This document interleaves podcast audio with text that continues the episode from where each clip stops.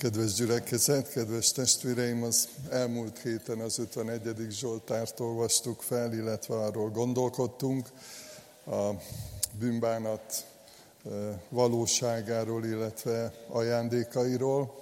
Most ennek egy kicsit a folytatásaként a 32. Zsoltárt fogjuk felolvasni, ami inkább a, a bűnvallás és a, a bűnvallást követő szabadságot, felszabadulás öröme következik. Most a bibliakörök lesznek a gyerekeknek.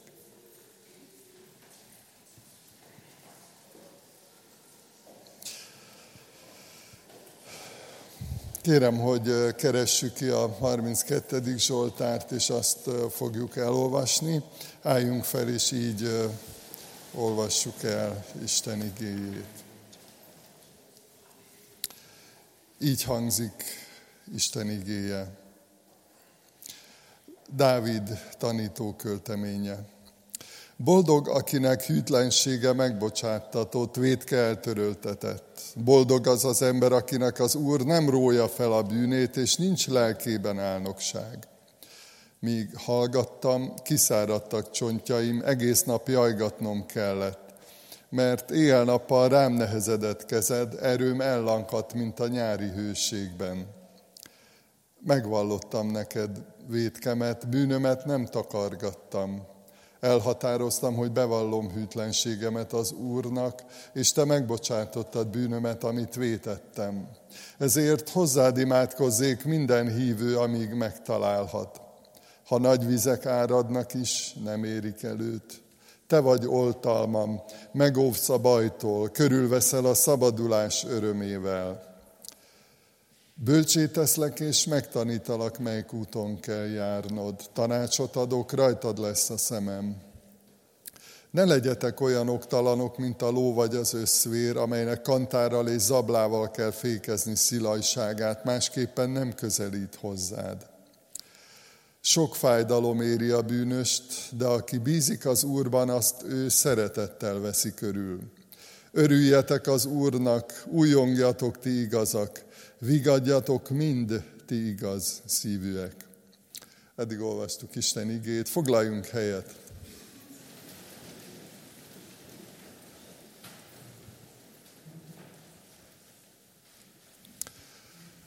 Kedves testvéreim, kedves gyülekezet!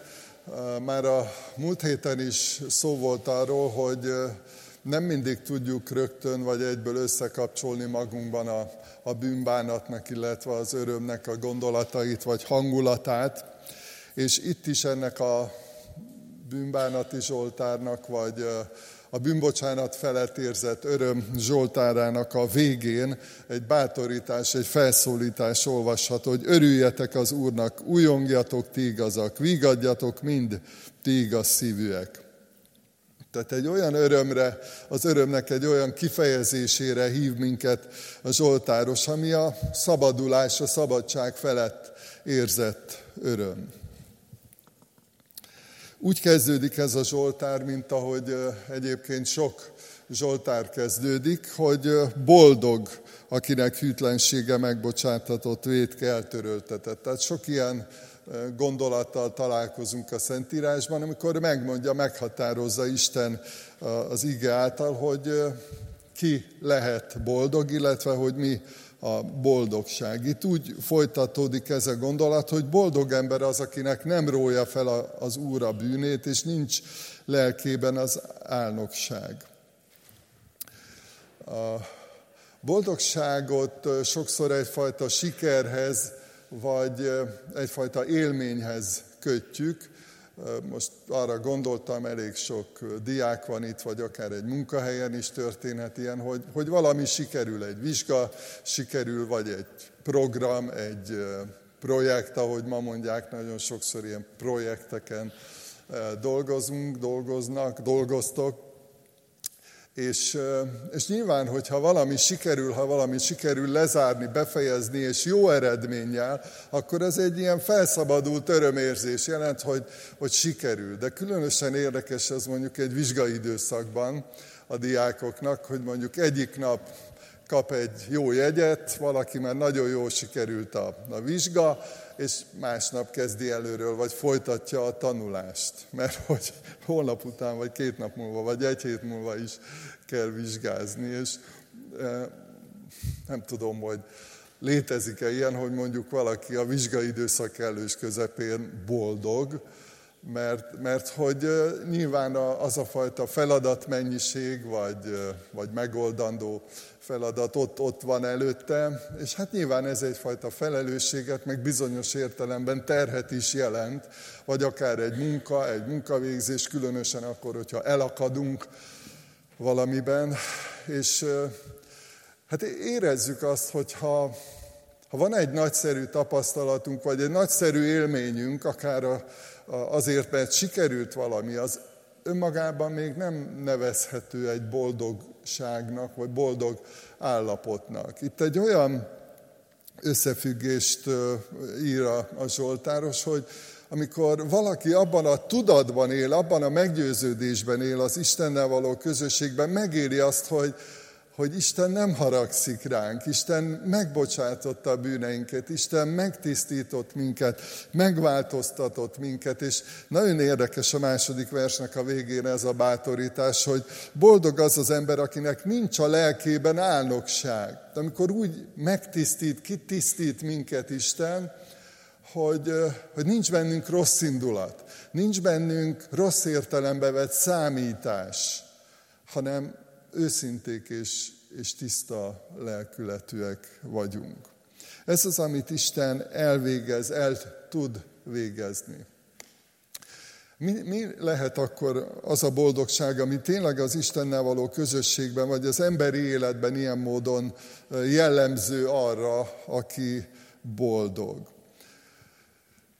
Mondhatjuk úgy is, hogy, hogy kiegyensúlyozottság. Azért is nagyon szeretem ezt a szót, mert hogy mindannyiunknak az életében vannak kihívások, problémák, akár a családunkban, a házunkban, a műszaki dolgainkkal, főz a házi asszony, és akkor elromlik a tűzhely, vagy a sütő, vagy mit tudom én. Tehát annyi ilyen apróbb és jelentősebb dologgal találkozunk, ami miatt nem mondhatjuk azt, hogy soha semmi problémánk és gondunk nincs, és minden jól működik, minden tökéletes, és akkor ezért vagyunk boldogok.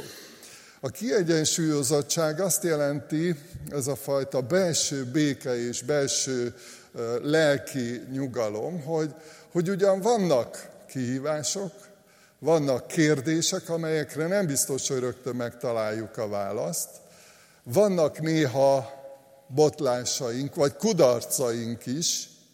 Ugye érdekes kérdés, hogy ha valakinek volt kudarca, akkor az már nem lehet boldog. És hogy mégis egy olyan rendezettségben élhetünk, hogyha Istennel megbékültünk, és az emberi kapcsolatainkban is rendezett körülmények vannak, mégis egy olyan kiegyensúlyozottságban élhetünk, ami miatt és lehet ezt így is fogalmazni, hogy jól érezzük magunkat a bőrünkben, szeretünk élni, őszintén, egyenesen egymás szemébe tudunk nézni, alapvetően nyugodtak vagyunk, akkor is, hogyha ha vannak kihívások. Benne van ebben a, a boldogság tudatban, ugye ez is egy nagyon érdekes kérdés, hogy mennyire érzés, vagy mennyire tudat vagy mennyire tudatos a, a boldogság. Benne van a, a szabadság, és ugye a mai témánk az elsősorban az, hogy a szabadság öröme, vagy a felszabadultság öröme. Amikor megszabadultunk a félelmeinktől, az aggodalmainktól, megszabadultunk az önvádtól, mert nagyon sokszor találkozunk azzal, hogy, hogy vádol a kísértő, ugye azt írja a Biblia róla, hogy ő a vádló, a fő fővádló. És sokszor akkor is vádol, amikor mi már bocsánatot kértünk Istentől, rendeztük azt, amit rendezni kellett, és mégis néha küzdködünk ilyen lelkiismereti gyötrelmekkel, és ebből felszabadulhatunk a bűnbocsánat miatt, amiatt, hogy Isten szeret és elfogad minket. Van-e ilyen belső békességünk, és ugye ez még azért is nagyon izgalmas kérdés, mert hogy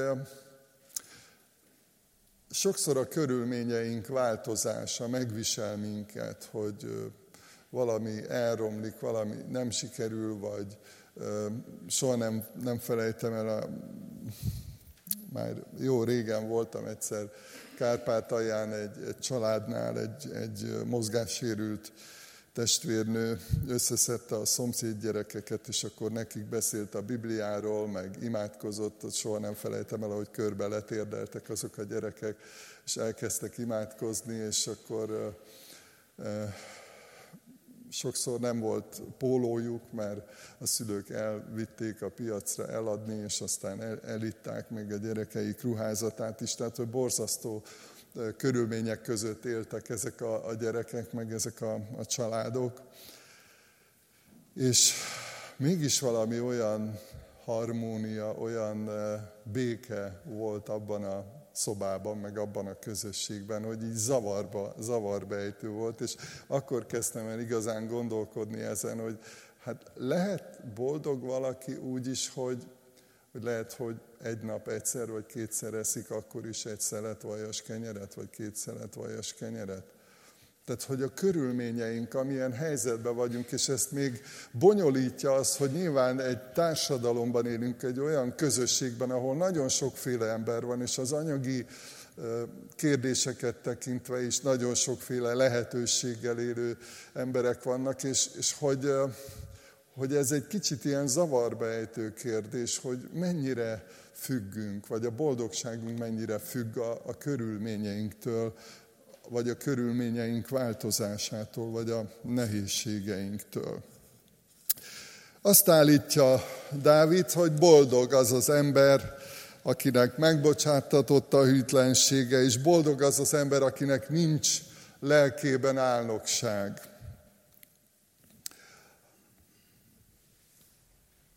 Sorba vettem ezt a témát, hogy a, a bűntől való szabadulás az, a, amikor Istennel megbékülünk, van erről is egy igevers, majd, majd mondom, de hogy, hogy milyen, milyen öröm ez, vagy mi, mi jellemző erre az örömre, vagy erre a boldogságra. Az egyik, amit így fogalmazta meg, a, a megkönnyebbülés öröme, sokszor ábrázolják úgy a bűnt, ilyen régi képeken, mint egy hatalmas hátizsákot, mint egy hatalmas terhet. Lehet, hogy láthatok már ilyen képet, és akkor görnyedezik alatta az ember, aki ilyen értelemben viszi a bűnterhet. És tényleg, amikor megtörténik a, a csoda, amikor az ember bocsánatot kér, bűnbocsánat értesedezik Istenhez, és, és elfogadja a választ, elfogadja a bűnbocsánat ajándékát, akkor az olyan, mint amikor azt a hatalmas hátizsákot leteszik. Hát nagyon érdekes, mostanában is lehet látni ilyen nagy turista hátizsákokat. Múltkor valakinek segítettem levenni, hát azt hittem, hogy eldőlök vele, olyan nehéz volt. Hát kérdeztem, hogy hogy bírod ezt vinni. Tehát, hogy néha nem is tudjuk elképzelni, hogy, hogy milyen súlyokat, milyen terheket visznek az emberek, vagy lehet, hogy éppen magunkon érezzük, vagy tudjuk, hogy, hogy ez egy borzasztó nehéz teher. És ez a teher, a lelkiismereti teher, vagy mondhatjuk a bűntudatnak a, a terhe, ez, ez legyengít. Hogyha ha, ha nem, nem tudjuk letenni, ha nem tudunk ebből tovább lépni, hogyha nem, nem tudjuk rendezni, akkor egyre, egyre gyengébbek vagyunk. Egyébként, hogyha az ember egészséges, és itt most a másfajta teherviselésre gondolok, amikor akár szellemi, akár lelki, akár fizikai munkát végez valaki, hogyha megfelelően táplálkozik, és jó, jók a, a feltételek, akkor a teherviselés megerősít, de de a bűnterhe, és ezt azt gondolom mindannyian magunkról is tudjuk, hogy, hogy az olyan, hogy egyre inkább legyengít, és, és rongálja a szellemi immunrendszerünket is, és már apróságokon is képesek vagyunk elbukni. Hogyha le tudjuk tenni ezt a terhet, akkor felszabadulunk, akkor megkönnyebbülünk, A 38. Zsoltárban írja le az ige ezt a borzasztó állapotot, ezt a teher, rossz értelembe vett teherviselést. Nincs épp hely a testemen, sújtó haragod miatt, nincs sértetlen csontom védkem miatt, mert bűneim összecsaptak fejem fölött, súlyos teherként nehezednek rám. Megbűzhődtek, elgenyesedtek sebeim oktalanságom miatt. Tehát a Zsoltáros is felismerte, hogy, hogy a, az engedetlensége eh, milyen következményeket eredményezett, hozott az életében. És amikor valaki ezt leteszi, valaki megszabadul, sokszor Zákeus története jut eszembe, amikor Jézus Krisztussal beszélget, és elmondja neki, hogy, hogy, hogy a, amit elvettem, vagy elcsaltam valakitől, a négyszeresét visszaadom, és a vagyonom felét a szegényeknek adom. Tehát ezzel a rendezéssel, a bűn, bűnbocsánat ajándékával tudott felszabadulni, és megváltozott az élete, új élete lett. Azért is bátorító ezeket a példákat olvasni a Bibliából, vagy akár hallani egymástól is, mert hogy segít nekünk ebben, hogy, hogy le tudjuk tenni, hogy létezik, hogy van olyan akkor is, ha régóta cipelünk valamit, hogy le tudjuk tenni Isten jóindulata, kegyelme miatt. A másik oka az örömünknek, vagy a forrása, a tiszta lelkiismeret öröme.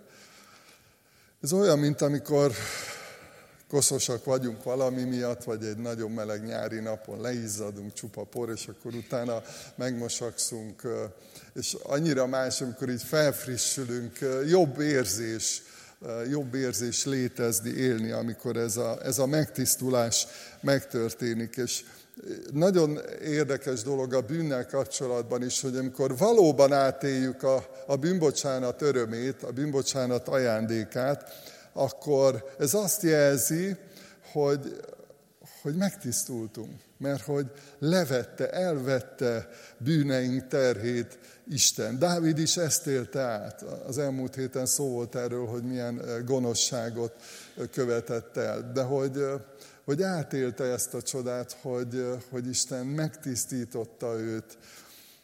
A fedhetetlenség tulajdonképpen ezt jelenti, hogy bár követtünk el bűnt, bár volt olyan, amit elrontottunk, de hogy már nem vagyunk fedhetőek a bűnbocsánat ajándéka miatt, mert megvallottuk a bűneinket, lerendeztük, Isten pedig megbocsátott, elfogadott, ezért már ő nem fed meg, ugye a vádakról volt szó, olyan van, hogy a kísértő vádol minket, de már fedhetetlenek vagyunk kegyelemből.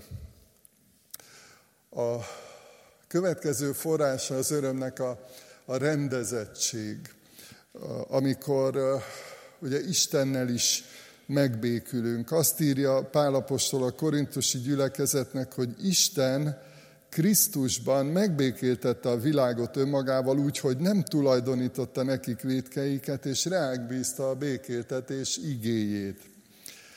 Azt mondja, hogy Isten kezdeményezte ezt a békülést, a kapcsolat rendezését kezdeményezte Jézus Krisztusban. Tehát az Úr Jézus szenvedése, halála, a kereszt halála, a megváltás csodája tulajdonképpen ezt jelenti nekünk, hogy Isten kezdeményezte, hogy minket visszafogadjon, hogy rendeződjön a, a kapcsolatunk. És úgy gondolom, hogy, hogy ha volt akár a szűk családi körben, vagy akár baráti körben, vagy munkahelyen olyan kapcsolatod, amit egyszer rendezni kellett, amikor valaki elé oda kellett állni, a szemébe nézni, és azt mondani, hogy ne haragudj rám, vagy bocsáss meg, bocsánatot kérek, vagy, vagy amikor eléd álltak oda, és a szemedbe néztek, és azt mondták, hogy, hogy bocsáss meg, és megbocsátottál szívből, őszintén, akkor milyen, milyen öröm van ebből, vagy ezután. Tehát egy elképesztően nagy ajándék, amikor, amikor két személy, és itt beszélhetünk Istenről, az emberről, meg emberek közti kapcsolatokról is, amikor megtörténik ez a, a rendeződés, és, és újra örülünk, ha találkozunk, és nem kerüljük egymást, és nem kerüljük egymás tekintetét, hanem, hanem újra az van, amikor meglátlak, akkor mosolygok és örülök, mert, mert hogy szeretjük egymást, összetartozunk, mert ez a rendezés, ez a rendeződés megtörtént. A következő forrása az örömnek, így fogalmazta meg a jellemformálódás és a vezettetés, itt ez egy kicsit összekapcsolódik. A nyolcadik versben olvastuk, hogy bölcsé teszlek és megtanítalak, melyik úton kell járnod. Tanácsot adok, rajtad lesz a szemem. Nagyon bátorító, hogy ez így együtt van, vagy összekapcsolódik ez a két csoda. Az egyik a bűnbocsánat ajándéka, azt mondja Isten, hogy elfogadom a bocsánatkérésedet, Ugye ezt János leveléből is idéztem a múlt héten, hogy ha megvalljuk bűneinket, hű és igaz ő, hogy megbocsátja a védkeinket és megtisztítja a szívünket minden gonosztól, tehát megbocsát, de nem elégszik meg ennyivel. Nem azt mondja, hogy hát jó van, így már rendben van, hanem azt mondja, hogy figyelj, tanítani foglak. Segítek neked eligazodni. Ez azt jelenti, hogy tanácsot adok, rajtad lesz, bölcsé teszlek. Segítek neked az eligazodásban, mert hogy elérkezünk néha olyan kérdésekhez, vagy olyan útelágazásokhoz, amikor tanácstalanok vagyunk, vagy nem tudjuk a választ. És Isten megígéri, amellett, hogy megbocsát nekünk, hogy elfogad minket, hogy, hogy eligazít, hogy válaszolni fog. Nem biztos, hogy azonnal tudjuk minden kérdésre a választ, de, de segíteni fog ebben, és vezet. És ezért a, a vezettetés is az, hogy, hogy Isten vezet minket a Szentíráson keresztül, a lelkiismeretünkön keresztül, sokféle módon segít ebben, hogy megtaláljuk az útunkat, a döntéseinket, tehát hogy jó döntéseket hozzunk. Ezt ő vállalja, és hogy ez, milyen öröm. Azt gondolom, hogy nektek is nagyon sok ilyen örömötök volt már, amikor észrevettétek, hogy Isten munkálkodott a szívetekben, formált titeket, akár úgy, hogy emberekről hogy gondolkodtatok, vagy a helyzetetekről, vagy a munkátokról, vagy a szolgálatról. Szeretnék egy ehhez kapcsolódóan egy, egy rövid részt felolvasni a Bibliából, Péter leveléből, ami egy picit abban segít, annak a megértésében segít, hogy, hogy az isteni ajándékhoz hogy kapcsolódunk mi a döntéseinkkel és az elkötelezettségünkkel és az igyekezetünkkel. Ugye itt néha kicsit bajba vagyunk, amikor erre gondolunk, vagy ezen gondolkodunk, mert azt sokszor átéltük, hogy, hogy amikor a saját ötleteink vagy erőforrásainkra támaszkodtunk csupán, akkor kudarcot vallottunk. És amikor Isten akarata, Isten igéje, Isten gondolatai valósultak meg, akkor érkeztünk a jó útra, vagy akkor tudtunk a, jó úton járni. Azt írja Péter apostol, minden igyekezetetekkel törekedjetek arra, hogy hitetekben mutassátok meg az igaz emberséget, az igaz emberségben ismeretet. Az ismeretben önuralmat, az önuralomban álhatatosságot, az álhatatosságban kegyességet, a kegyességben testvéri szeretetet, a testvéri szeretetben pedig minden ember iránti szeretetet, mert ha ezek megvannak és gyarapodnak bennetek, nem lesztek a mi Urunk Jézus ismeretében sem tétlenek, sem terméketlenek. Akikben pedig ezek nincsenek meg, az vak, rövidlátó és elfeledkezett arról, hogy régi bűneiből megtisztult. Ezért tehát testvéreim, igyekezzetek még jobban megerősíteni elhivatásotokat és kiválasztásotokat, mert ha ezt teszitek, nem fogtok megbotlani soha. És így dicsőségesen fogtok bennem menni a mi Urunk Jézus Krisztus és üdvözítőnk Jézus Krisztus örök országába. Lehet, hogy ti is elakadtatok már ennek az igének az olvasásánál, hogy, hogy hát nem fogtok megbotlani soha, hogy ez mit jelenthet, mert hogy az a tapasztalatunk, hogy meg szoktunk botlani. De hogy itt igazából egy jelentősebb vagy egy végső állapotról van szó, a, az üdvösség, illetve a kárhozat kérdéséről. Tehát amikor elfogadtuk az Isten ajándékát, és ő vezet minket, akkor nem kell attól félnünk, hogy elkárhozunk. Azt mondja, hogy ha ezek megvannak bennetek, ha ezt teszitek, nem fogtok megbotlani, nem fogtok rossz irányba, vagy rossz célba érkezni. Ez nagyon bátorító, hogy, hogy Isten képessé tesz minket a bűnbocsánat ajándéka mellett, azt mondja, hogy bölcsé teszlek. És bevon minket, mert azt mondja, hogy kapcsolt hozzá a te értékeidet, a te szeretetedet, a te kezdeményező szeretetedet, a türelmedet, és minden olyat, ami szükséges ehhez. És azt mondja, hogy akkor jó helyen vagy, és célba fogsz érni. Jó célba fogsz érni. Vegyük át még egyszer, a, az örömünk forrása, vagy az örömünk következménye a megkönnyebbülés, a tisztaság, és ezek így kölcsönhatásban vannak egymással, a rendezettség, illetve a jellemformálódás és a vezettetés. És a következő kérdés, amivel is szeretném lezárni ezt a gondolatsort, hogy mi a titka ennek a szabadságnak, illetve ennek az örömnek? Az első titka mindenképpen Isten személyében van, Isten jó indulatában van.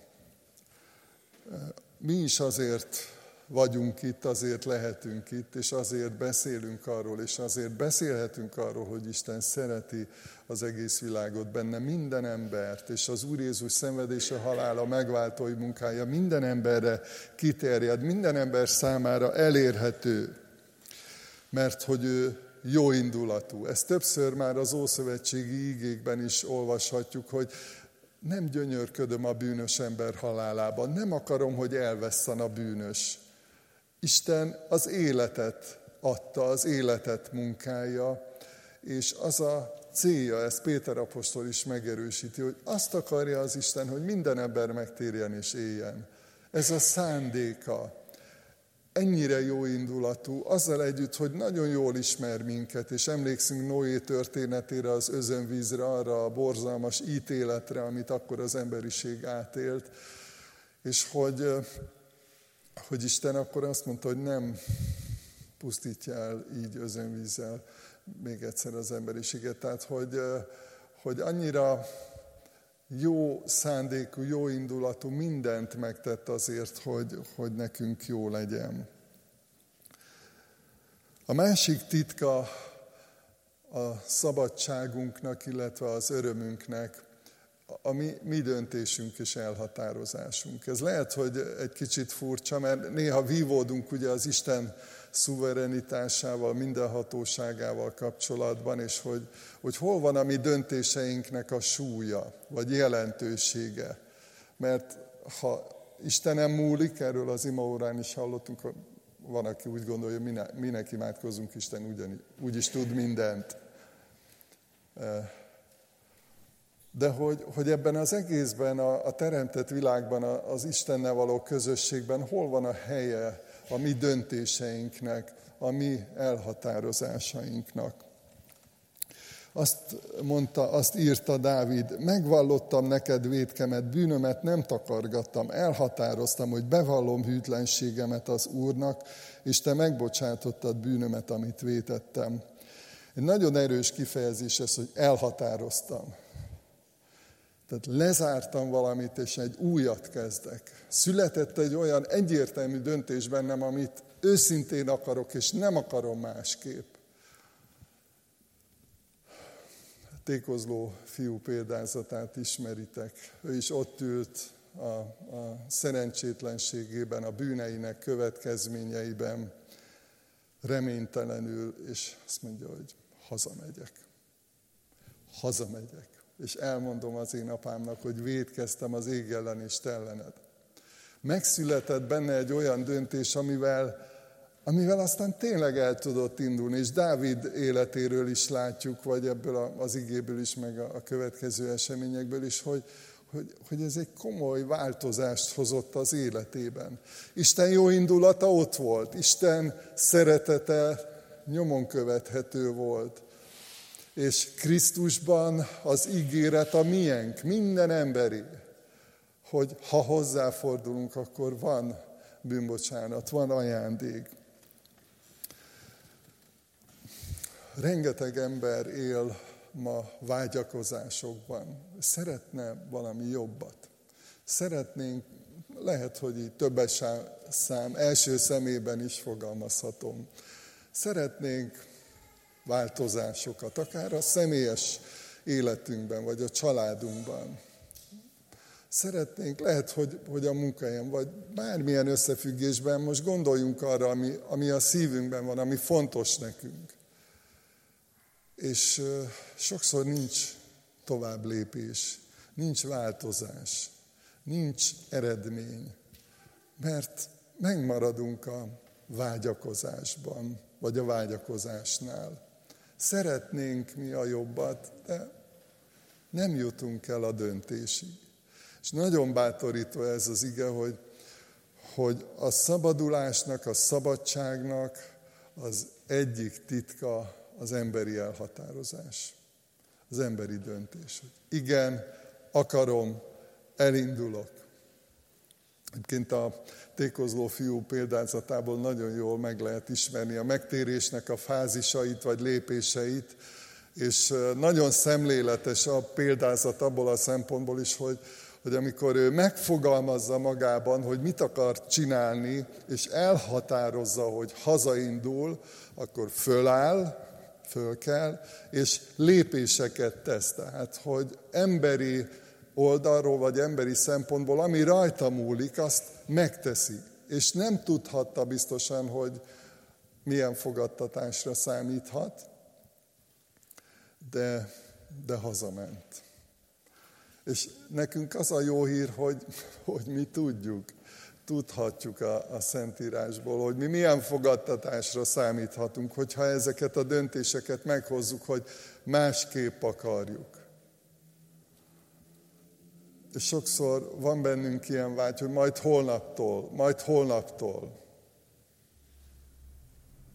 És itt most nem csak a fogyókurára gondolok, vagy a testmozgásra, meg ilyen hétköznapi dolgokra, mert ezzel is sokszor így vagyunk, vagyok, hanem tényleg azzal, amikor az életünket, a családunkat, a környezetünket meghatározó döntéseket hozunk, hogy nem akarom tovább így csinálni, ahogy eddig. Lépni akarok, el akarok indulni. Tehát azt gondolom, hogy az örömtelenség, hogyha van ilyen, vagy, vagy a félelmek sokszor ezért vannak ott bennünk, mert hogy, hogy nem születnek meg ezek a döntések és ezek a lépések. És a szabadság örömének a forrása az Úr Jézus követése, és az Istennel való közösség, vagy ahogy mondhatjuk, az ő jelenléte bennünk, vagy ahogy Krisztussal kapcsolatban Pál megfogalmazza, hogy, hogy Krisztus él bennem. Mózes azt mondta az Úrnak, illetve az Úr mondta először Mózesnek, vagy kérdezte, megnyugtat téged, ha orcám veletek megy? Mózes azt mondta, ha nem jön velünk a te orcád, akkor ne is vigyél tovább bennünket. Annyira bátorító ez a gondolat, hogy Uram, én egy lépés sem akarok menni nélküled. Én nem akarok egy pillanatra se kikerülni abból a hatáskörből, vagy hatókörből, ami, ami miattad van. Én egy lépés sem akarok nélküled menni. Ünnepeljétek Istent, a szabadítást, a megtartót és a szabadítót. Ez az öröm nem csupán egy ilyen hangulatjavító dolog, hogy hát azért jobban esik úgy élni, ha örülünk, és nem szomorkodunk, nem? Sokkal jobb úgy. És Nehémiás könyvében azt olvassuk, ne bánkódjatok, mert az Úr előtt való öröm erőt ad nektek. És ez azért nagyon bátorító, mert nem csak arról van szó, hogy jobban érezzük magunkat, ha örülünk, hanem azt mondja, hogy erőforrás is. Hogyha Istennek örülsz, ha Isten ajándékainak örülsz, akkor abban egy olyan erőforrás van, ami tovább vezet. És lesz erőd a döntéseket meghozni, lesz erőd bocsánatot kérni, vagy hogyha arra van szükség megbocsátani, És ennek az örömével mehetünk tovább. Néhány pillanatig maradjunk csendben, válaszoljunk Istennek, és egy néhány másodperc után majd egy imádsággal befejezzük.